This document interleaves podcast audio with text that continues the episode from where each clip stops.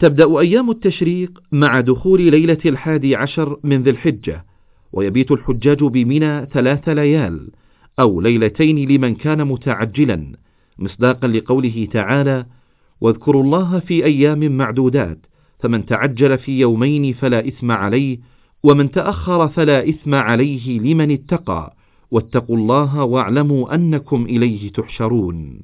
لإعادة سماع الرسالة اختر زر النجمة. للعودة إلى القائمة السابقة اختر زر المربع.